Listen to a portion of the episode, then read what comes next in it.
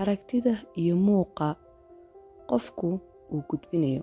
Haddaysan ahayn mid uu qiimo siinayo weliba qiimo aada u weyn maxay u noqotay guurka oo ah isku teg laba ruux in lacagta intaa le ku baxdo assalaamu calaykum waraxmatullaahi wabarakaatuhu axibadii ku soo dhawaada maandeeq podcast oo idiin soo gudbiso anigu imi waxaa rajeynayaa dhammaantiin inaad fiican tihiin caafimaad qabtaan noloshana ku wadaan samir dulqaad iyo ilaahay ku xirnaashiisa. Maanta xalqadeena waxaan kaga hadlaynaa xiriirada qofka maanta jooga. Maraaxiisha kala duwan ee hadda aan aaminsanahay qof walba idinka naga mida inuu arkay ama uu marayo xiriirada maanta jooga waxaad moodeysaa in ay ka maqan tahay in uu jiro ilaahay. Waagi hore dadku dadku waxay lahaayeen wax isku xiraya waxay lahaayeen isku imaatin iska warqab. Waxaa ka dhexeeya xiriir adag walow dadkeena markii loo soo noqdo. Aanan ahayn dad cabira mashaacirtooda laakiin ficilkan samayno wuxuu qofka kale u gudbinayaa inaan jecel nahay ama inaanan ka maarmi karin ama inaan qofkaasi u yahay qof noo dhow. Da maadiga ah qofku in uu jirkiisa qaabku u egyahay noloshuu ku nool yahay ay noqoto meesha asaga iska arkayo qofkan qiimaha naftiisa wuxuu ka helaa in uu dadka tuso inuu jir qurux badan leeyahay inuu lacag badan haysto in qaab nololeedkiisu ay tahay qaab nololeed aada u sareysa waan isweydiin jira waxaan isdhihi jiray maxaa ka dambeeya qof bili-aadan ah in uu heerkaas gaaro inuu gaaro heer uu jirkiisao dhan bannaanka soo dhigo? Maxay tahay qiimaha uu ka raadinayay? Markaan raadiyey kabacdi wax ogaaday qofkaasi xitaa hadduusan wacyi u lahayn wuxuu uu qaatay oo uu qiimo siiyey falsafadda maadiga ah waxa ugu badan oo uu maaragtay markaas rabo inuu soo bandhigo meesha ugu badan ee uu qiimihiisa ka helo waa meesha maadiga ah. Jirka keliya ma soo galayso waxay soo galaysaa qof matalan oo kale inuu mar walba rabo inuu muuqiisu aada u qurux badan yahay. Malihi ha labisan laakiin waa dhibaata haddii aad ku tacalluqdid jirkaaga iyo lacagtaada. Oodan lahayn wax ku sifeynaya oon ahayn lacagtaas oon ahayn jirkaas adigu ka raadisid ixtiraam shay maadi ah. Taasi waa mid midda kale waxay tahay oo falsafadda kale hadda dhallinyaradu ay qaateen falsafadda xorriyadda. Hore dadku waxay lahaayeen dhaqan. Welina waan leenahay dhaqan iyo xeer dadka qabanaya. Waan ogahay dhaqankeena wax badan baa ka qaldan wax badan baa sixid raba. Laakiin in badanoo fiican buu leeyahay. Hadda anu naftaydan ka hadlaya intaan qof kaleba loo gaarinba waxaan xasuustaa inaan aad iyo aad u nabcaa dhaqankayga inaan dhihi jiray. Wuxuu xanibayaa xorriyaddayda wuxuu xanibayaa inaan cabiro shakhsiyadayda nacam dadkeennu wax badan maysan wacyi u lahayn xilliga ay abuurayeen caadaadkan iyo taqaaliiddan laakiin hadda dhallinyarada joogto wacyi bay u leeyihiin sababto waxbay barteen way kala saari karaan. Maxaa khalada maxaa saxa? Laakiin haddaad tiraahdo waxaa noqonaya qof xor ah xorriyadaaduna ay gaarto inaad heer uu dhaqanku ka sokow aysan diintu ku qaban karin oo aad meesha ka saartid in uu ilaah jiro ku daawanaya ku arkaya waa dhibaato aada weyn. Sidiisaba sidaadaba haddaa qof muslima tahay qof xoramatid waa inaad fikraddaas aqbashid sababtoo ah addoon baa tahay ilaah baa ku abuurtay. Adduunkan waxaa lagu keenay sabab oo ah inaad ilaahay caabudid horta. Diinta markii qofka lagu dhaho qaado dad badan waxaa jirta maskaxdooda aysan diyaar ahaynba inay qaato maba rabaan inay qaataanba. Anigu waxaan u arkaa inay tahay inuusan qofkani ilaahay uusan baran in uusan raadin waxay tahay xiriirka runtaa ka dhexeeya qofka insaanka iyo ilaahay. Fa si kasta u tiraahdid war waxaas waa xaaraan war waxaas waa xalaal. Qofkan waxaa kaga muhiimsan aniga xorriyaddeedu maxay tahay maalan tusaale yar baana tusayaa markii dhallinyaradu ay waxbarashada loo soo diro meel raqaabada ay ka jirin hooyo aabba weydiinaya jirin cid kaloo dabagelaysa jirin wax allaala wax uu maskaxdiisa ku jiro uu arko inay xorriyad tahay wuu sameynayaa gabdhuhu dharkay dhiganayaan wiilashu waxay doonaan bay sameynayaan balwaday baranayaan xumaan oo dhan bay sameynayaan sababtoo ah waxay aaminsan yihiin inay xor yihiin laakiin xorriyadda runtaa waxay tahay waa markaad diiqaysatid inaad addoon tahay ayna jirto meel ku qabanaysa. Inta kale waxay tahay sheyga la yiraahdo fardiyadda. Allah mowduucan waa mowduuc camiiq jiddan ah fardiyadda marka la hadlay kelinimada kelinimadu waxay timaaday markii sheygan social mediaha la yiraahdo adduunka ku baxay. Qof walba oo annaga naga mida adduun gaara buu ku noolyahay adduunka gaarka iyo fikradaha gaarka maskaxdiis ku jira wuxuu helayaa dad la mid ah oo ku taageera. Hadday sax noqoto hadday khalad noqoto almuhim wuxuu helayaa dad ashbaahdiisa dad u eg asaga taasina waxay keenaysaa in ay dadka guriga jooga iyo qoysasku maanta taagan ee soomaalida ay wada burbursan yihiin. Maaragtay waraayadan ah naftaada jeclow cidna wax kaama qaadi karto. Waa run laakiin dayfiina intay naga badatay naga badatay naga badatay bay fikirkeenna waxay ka dhigtay inaan nahay dad dadka ka duwan. Runaadni ani fikirka in badan ba aaminsana inaan nahay qof sow mataqaanaa gaar ah oo dadka ka duwan oo laakiin waxaa ogaaday inaan waxba dad ka duwanayn. Inaan nahay gabar la mid ah milyaniska gabdhaha soomaalida adduunka ku nool la mid ah milyaniska gabdhaha muslimaadka adduunka ku nool. Yacni wax aan dheerahay maanta ma jirto. Muuqayga un in dadka lagaga sooco wax kaloon maanta dheerahay ma jirto. Laakiin falsafadda individualismigu waxay qofku keenaysaa inuu aamino inuu yahay the only one. Qof xataa hadduu khaldaya kuma dhigi karto waa khaldaya sababto adigu wuxuu ku arkaa qof isaga maaragtay hoos u dhigaya niyad jabinaya aaminsanayn quduraadkiisa iyo waxqabadkiisa.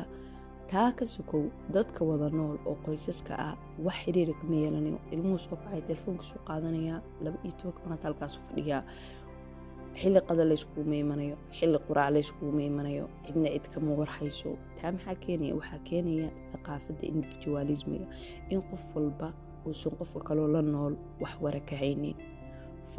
Taas waa mid ka mid ah xiriirada maanta jooga waxyaabaha ay marayaan. Qofku markuu dhaho anuu xor baana xorriyaddiina uu ku darsado inuu yahay qof kelinimada aaminsan oo aaminsan oo fikradahayga aniga ma fahmaysaan adduunkayga ma fahmaysaan. Waxaa imanaysa qofkan inuu la imaado waxa la yidhahda amobia oo ah in uu kala saari waayo saxdii khaladkas marka qof walba aamino inaad xor tahay inaadu keligaa tahay.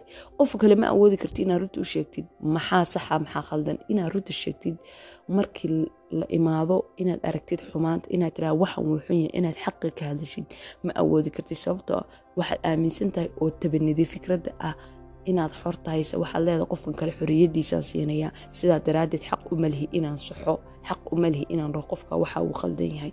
Inama lihi noqda dad mataqaana aggressive ah oo dadka ku dhaha alla waa xuntahay waa khaldan tahay laakiin ka hadlidda inuu waxaasi xumaan yahay iyo joojintiisa iyo sheegidda waxaasi inuu sax yahay iyo ku soceshadiisa labadaasba meesha way ka baxayaan waxaad mar walba tixgelinaysaa inuu qofkani keligiis yahay inuu afkaartiisa wato inuu xorriyadiisa wato inaadan faragelin adiguba ma jecshid inaan wax ku farageliyo. Fa mujtamacii maxaa imanaya kharaab baa imanaya sababta oo runta layskuma sheegayo.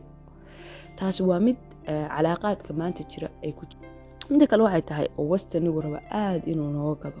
Waa sheyga la yidhaahdo adduuninimada caalamiyadda yacni dadka in la mideeyo lagu mideeyo fikirka lagu mideeyo dharka lagu mideeyo qaab nololeedka lagu mideeyo diinta lagu mideeyo wax walba. Maanta qofkan soo saaraya surweelka iyo shaatiga ma raba inaad macaawis xiratid ma raba inaad dirac shiida xiratid. Sababta wuxuu rabaa in aad noqotid qof mustahlik ah oo wixiisa gadanaya.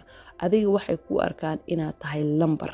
Wax kale matid gadanaya waxa ay sameynayaan. Sidaa daraaddeed waxaa hadda anugu asku arkay in social mediau ay masaxayso raadkii nagu jiray annaga haddaan nahay afraad mujtamaca ka tirsan. Maalan haddaa inay fududeeyo. Maanta qof soomaaliya ahay soomaalinimadaydu waxay ka dhigan tahay in subaxii markaa soo kaco markaa salaada tukado caday soomaali ku cadaysto luqluqdo daarad ciid ah oo xasiigi taallo inaan ku cuno canjeelo oodkac leh ama subag leh ama macsaro leh oo shaah lagu darsaday oo saxan qalina lagu cunhayo anoo yacni qoslaya reerkayga la cunaya exactly. That's reality morning routinekeena haddaan soomaali nahay.